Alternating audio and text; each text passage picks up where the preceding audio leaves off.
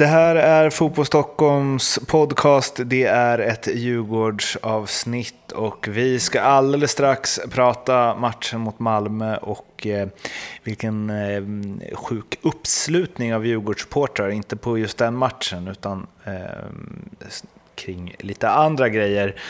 Men först så ska vi prata om vår sponsor som heter Unisport och eh, för er som inte vet vilka Unisport är så ska Oskar nu berätta det. Unisport är eh, Sveriges största fotbollsbutik på nätet. Vilket betyder att om man har lust att köpa någonting som har med fotboll att göra, då är det en bra idé att gå dit allra först. Så är det. Eh, en annan grej man kan gå dit för är att eh, tävla. Eh, för de har nämligen en tävling Eh, med oss nu på unisport.fotbollstockholm.se eh, och där kan man gå in och designa sitt eh, matchställ hur man skulle vilja att det ser ut. Då väljer man varumärke Adidas, Puma, Nike eller Joma och sen så väljer man vad det ska vara för färg på tröja, shorts och strumpor. Så skickar man in det till Unisport och då är man med i utlottningen av 13 stycken matchställ med namn och nummer. Och sen så finns det också andra tredje pris och det är fem eh, matchbollar var. Så det är bara att gå in och designa i, ja, skulle väl tippa på att blått och blått ligger bra till för er som lyssnar på det här. Vill du tillägga något Oskar? Eh, um, Unisport.fotbollstockholm.se är adressen. Om man eh, väl har knappat in det så kommer man förstå mycket väl hur man ska göra. Men vi kan väl också nämna att om man inte har eh, turen att vinna den här tävlingen så eh, har man också en möjlighet att få rabatt hos eh, Unisport om, om man gör en eh, dräkt i sitt lag. Ehm, om man går in på Unisport och i deras kitbuilder, som alltså är en sån här modell där man väljer färger på, på sin dräkt, shorts, tröja, strumpor. Ehm, och om man då väljer att ha Unisport som sponsor på direkten, då får man 40% rabatt. Så det gäller alltid. Det kan vara en grej som vi eh, påminner om här. Det hade inte jag koll på, så det var bra att du sa. um, med de orden så tackar vi eh, Unisport för att de är med eh, Fotboll Stockholm. Hammarby hade ju en kampanj som eh, hette Vi ses snart, va? Eller Vi ses snart igen, eller vad det nu var. För att få mm, folk... Mm, näst, nästan va? Vad sa du? Nä, nästan rätt va? Ja, vad, vad hette den då? Eh, ses snart igen. Ses snart. Eller Vi ses. Ja. Jag visste ju knappt själv igen. Men, eh, Nej, exakt. Men eh, låten som har fått eh, ett rejält genomslag får man väl säga. Kopplat till den här kampanjen, ja där går refrängen så. Mm. Och god effekt i Hammarby, men det går att göra på andra sätt också. Ja, det gör ju det. Eh, Djurgården gjorde ingen kampanj alls. Eh, och det resulterade ju i otroliga siffror. Eh, det var nästan ingen som ville ha tillbaks eh, pengarna för eh, säsongskorten. Nej, jag vet inte vad det säger till så här blivande reklamstudenter och annat. Att gör inte ett skit Nej. så kommer ni få se på en mycket god effekt. Utbilda er till något annat, kanske det säger. Precis. Ja, nej, men Djurgården sålde ju drygt 11 000 säsongskort och då hade man eh, om man köpte ett sånt kort hade man möjlighet att ansöka om eh, ersättning. Och då var det 1300 eller 1400 som hade ansökt om det. Vilket betyder att den absoluta majoriteten har bara valt att eh, stå kvar och eh, ja, har köpt sitt säsongskort och ser gärna att pengarna går till Djurgården även om man inte vet hur många eller om ens någon eh, match eh, kan ses på plats. Det är ju grymt faktiskt supporterstöd ja, det när det är som en, bäst. Eh, ja, verkligen. Det finns en otrolig kraft i det. Ehm, och eh, ja, ett säsongskort kostar ju trots allt en slant. Och, alla, alla har ju inte ehm, Ja, men alla gör inte det där med lätthet att eh, slanta upp ett kort för ett antal tusen. Nej. För att gå på fotboll. Så Nej, det är bara att... Eh, Lyfta på hatten. Ja, fascineras över kraften i eh, hos de svenska supportrarna. Med den elogen till Djurgårds eh, supportrar så ska eh, vi nu bege oss till den match som har spelats sen vi snackades sist. Och det var ju igår som eh, Djurgården gästade Malmö. Ett eh, coronasmittat Malmö. Man spekulerar lite på, eller det blir oundvikligt att man spekulerade huruvida det var eh, någon spelare. Eftersom eh, Malmö inte berättade det. De sa att de hade bekräftade fall i plural i eh, ja, personalen runt A-laget. Men det visade sig att det, det var inte någon spelare då, åtminstone ingen som var påtänkt i truppen. Ehm, så det där eh, dramat försvann ju lite. Eller det som man kunde ana att det skulle bli något, ett slags drama. Mm. var ju ingenting som påverkar matchen. Och eh, jag vet inte om det blev så vidare värst mycket drama på plan. Det var väl en ganska, det var väl en ganska jämn match. Eh, ingen som man kommer komma ihåg i resten av sitt liv direkt. Men en habil allsvensk match där Djurgården hade som eh, Tolle sa efter matchen, järnkoll på Anders Christiansen förutom en gång. Eh, och då gjorde han mål. Mm. Eh, för han gör ju det nu för tiden ja, han, på typ allt. Han gör ju det. Han är in, inom mitt fält där. Visserligen spelar han hel, hel del som tia nu. Eh, sannolikt att han går bak, tar ett kliv bak i planen när Ulla Toivonen kommer in nu i MFF. Men eh, nej, han är ju i alla fall en eh, mittfältare som mycket väl kan vinna skytteligan i år. Eh, för han gör ju mål på allt. Nu gjorde han ju hattrick till och med här för någon, eh, förra veckan. Det var visserligen i kuppen. Men ändå. Eh, nej, jag tycker att det dessutom var, det var en bättre match än en habil match. Framförallt fick vi se en annan eh, typ av intensitet än vi sett i de flesta matcherna. Eh, den har ju gått ner något generellt. Det är åtminstone det, det tydliga intrycket av eh, de här matcherna utan publik. Att eh, stämningen runt om gör en sån allmän skillnad. Ehm, men den här gången eh, var det två lag som försvarar sig bra. Jag skulle framförallt säga att Djurgården försvarar sig bra. De kom ju dit med samma matchplan som i fjol i den här årets match. Ehm, som de då vann med 1-0. Ehm, och planen var ju eh, stänga ut och centralt, gör det, gör det trångt för eh, Malmö och sen när man har bollen hålla anfallen lite längre, vila med bollen så att man får lite kontroll på matchbilden eller gå direkt på kontring. Inga mellanting, utan antingen eller. Ehm, och eftersom Djurgården då eh, försvarar sig bra och har en, eh, en målvakt nu som är säker och en sexa där bak, alltså fyrbackslinjen plus det sittande inne mittfältet som ser faktiskt lika bra ut i stort sett som i fjol nu. Ehm, så gav man sig själva många möjligheter att kontra. Man vann boll i jävligt intressanta lägen. Och så kontringslägena fanns och den andra delen av taktiken, det vill säga att hålla i bollen, eh, klarar man också ganska bra eftersom man har en så pass spelskicklig backlinje. Eh, många spelare som kan bryta linjer till exempel, vilket är en nyckel för att man inte ska bli sönderpressad av ett lag som MFF som går hårt. Så, så långt allt bra. Sen, men sen fanns det ju ett litet problem ganska tydligt identifiera. Men jag måste bara stanna lite på det, för det var, de vann ju också boll eh, ganska högt upp emellanåt. Eh, och jag kunde, jag kunde inte riktigt bestämma mig för om det var Djurgården som gjorde det bra eller om det var Malmö som var lite nonchalanta också i de där eh, uppspelsfasen. För det var, det var ju samma mot AIK där, att det blev lite Ja, när de blir högt pressade MFF, de krånglar till det lite. Det ska gärna kladdas på bollen en extra gång där när Bachirou kommer ner och så. Och där vann ju Djurgården boll några gånger. Mm. Ja, jag, jag är inne på, eller jag tycker vi fick ett tydligt tecken på det som vi pratade om i förra veckan, att MFF 2020 är ganska likt MFF 2019. Även om tanken är att de ska spela på ett helt annat sätt. Så resultatet än så länge är ganska likt. Problemet är just det här att man inte är tillräckligt säkra i uppspelen och att man Eh, därigenom sätter sig i farliga situationer. Men däremot är man hur tunga som helst när man skickar rakt. Eh, för man har Kiese Thelin som var jättebra i den här matchen. Som en det är, det är lite roligt med, nu ska vi mest prata Djurgården, men det är lite roligt med MFF för att de alltid så byter tränare för att de ska spela en roligare fotboll hela tiden.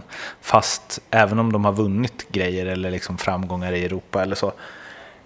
Men det, det känns alltid som att de landar i att, så här, eh, att det går alltid bäst när de spelar lite mindre roligt. Ja. Det, det, ligger... det, blir, det blir liksom aldrig roligare, för när de väl försöker med det, då vinner de med 7-0 i kuppen och sen så börjar det halta så fort allsvenskan börjar. Ja. Och sen å andra sidan är de jävligt tunga när de kör mm. mer rakare spel. Och eh, det som sitter nu eh, är ju pressspelet är ju Malmö duktiga på. De går ju högt. Nu löste mm. som sagt Djurgården det ganska bra. Eh, men det är ändå mm. ett, ett vasst vapen som Malmö har. Så eh, ja, intressant analys. Om man tittar på hur lagen ska utvecklas så eh, AIK var, hade tänkt att de skulle ändra allting. Det har de sannoliken gjort. Malmö var tänkt att de skulle ändra allting. Det har de inte gjort alls. Eh, och Djurgården mm. skulle inte ändra någonting och det har de inte heller gjort. kan man väl säga. Så eh, Djurgården har följt sin plan som sagt. Men, och, och spelar bättre för varje omgång. Det får vi fortsatt konstatera.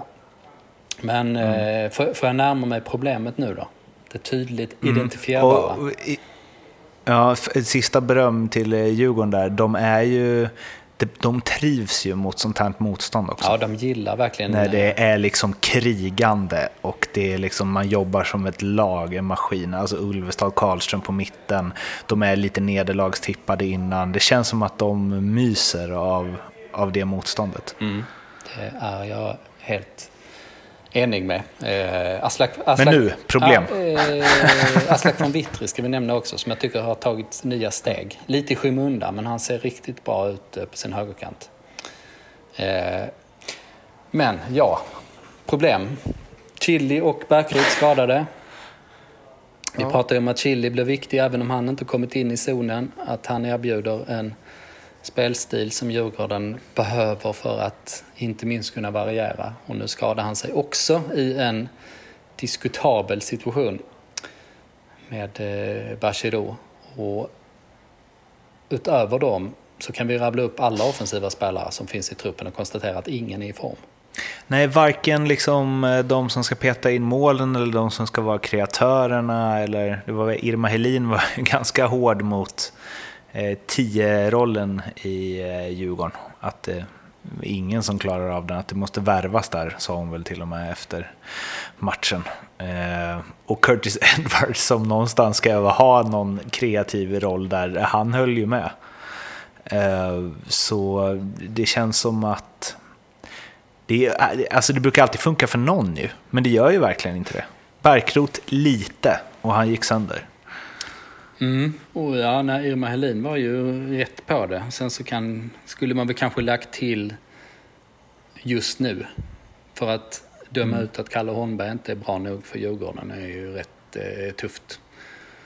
Trots allt. I, eh, om han hittar rätt och eh, ja, laget börjar spela en fotboll som passar honom så är det, det är klart att han eh, håller rätt hög allsvensk klass trots allt. Men ja, den är ju illavarslande. Ehm, för att det är egentligen det enda som saknas nu. För när Djurgården har kommit så pass långt i den andra processen, då handlar det om att få igång någon, eh, någon eller ett par där framme.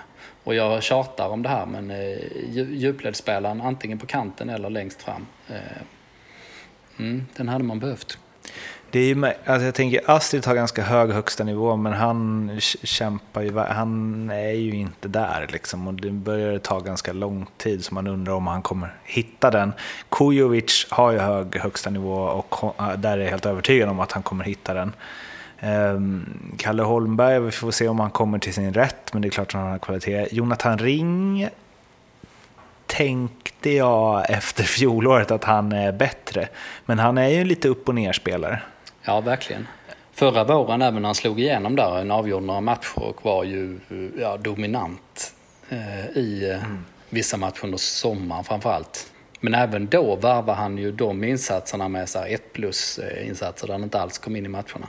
Och nu har han ju dessvärre mm. radat upp ett antal sådana. Lite oväntat måste man säga för att eh, ja, man såg i fjol vad han kan helt enkelt. Och jag vet inte riktigt varför det inte har lossnat för honom.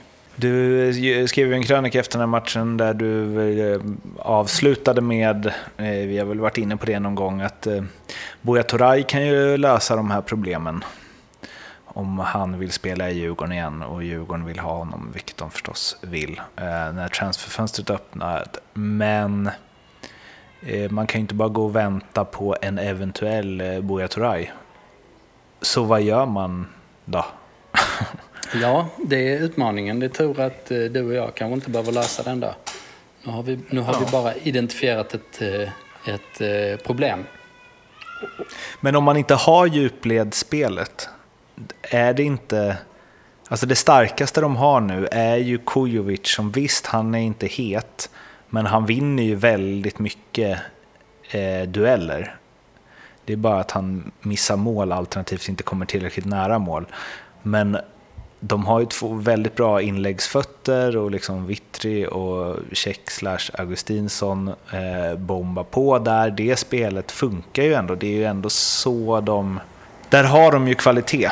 Eh, och det spelet kan de. Är det inte det man ska rulla på tills man har en spelare som är tillräckligt bra i djupled? Jo, eh, jag tror de kommer eh, landar där någonstans. Det är ju absolut en rimlig analys. Och eh, Kalle Holmberg är ju också en skicklig straffområdesspelare. Tjatar om det, men han vann ju trots allt skytteligan, allsvenskan, för tre år sedan. Och eh, ja, nej visst. Eh, den taktiken är intressant. Problemet där är ju att den är för lättläst. Alltså, det är klart man kan vara tunga och få ut bollen på kanten, men om man, om man spelar för att söka inlägg hela tiden, då är det jävligt lätt för motståndarna att försvara. Ehm, och har man inte djupledshoten på planen då är det också lätt för eh, lag att ställa sig väldigt högt till exempel. Alltså man går högt i pressen och så har man en så superkompakt lag. Ehm, för att man vet att det finns ingen större risk att någon eh, löper ifrån oss.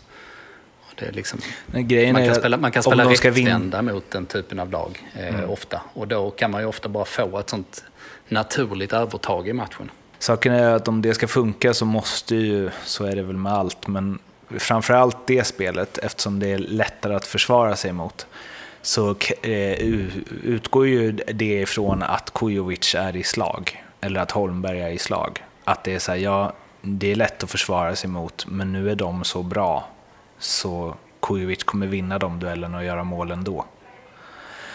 Men det är ju det är långt ifrån i dagsläget. Så är det. Men, eh, ja, men Kujovic är nog den jag är minst orolig för vad det gäller formen. Mm. Jag tror, tror han har det bara. Det är lite som att eh, när han inte är med i matcherna är det bara svårt att se det på något sätt.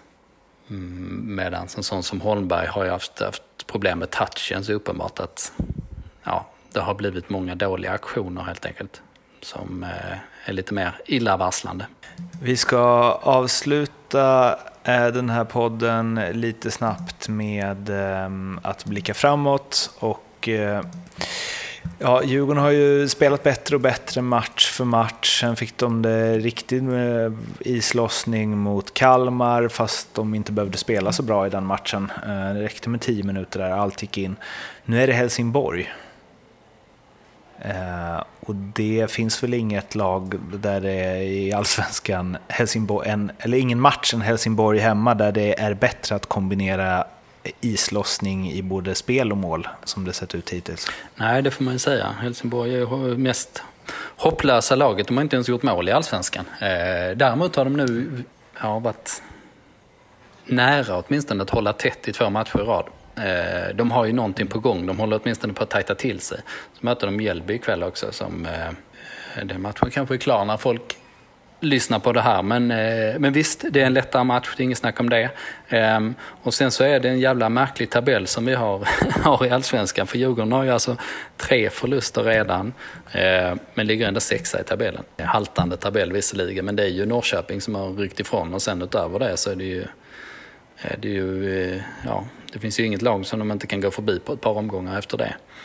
Så eh, nej, det är ju eh, det är någonting som man kan ta med sig för alla lag som har toppambitioner. Så det är ju rätt skönt att, eh, inget lag förutom Norrköping har imponerat hittills. Ehm, och jag tror ju redan nu att man kan vara säker på att vi inte kommer få se en sån här eh, poängskörd som vi hade i fjol. Ehm, där vi har eh, AIK på, på 62 poäng och som ändå inte är nära lagen ovanför.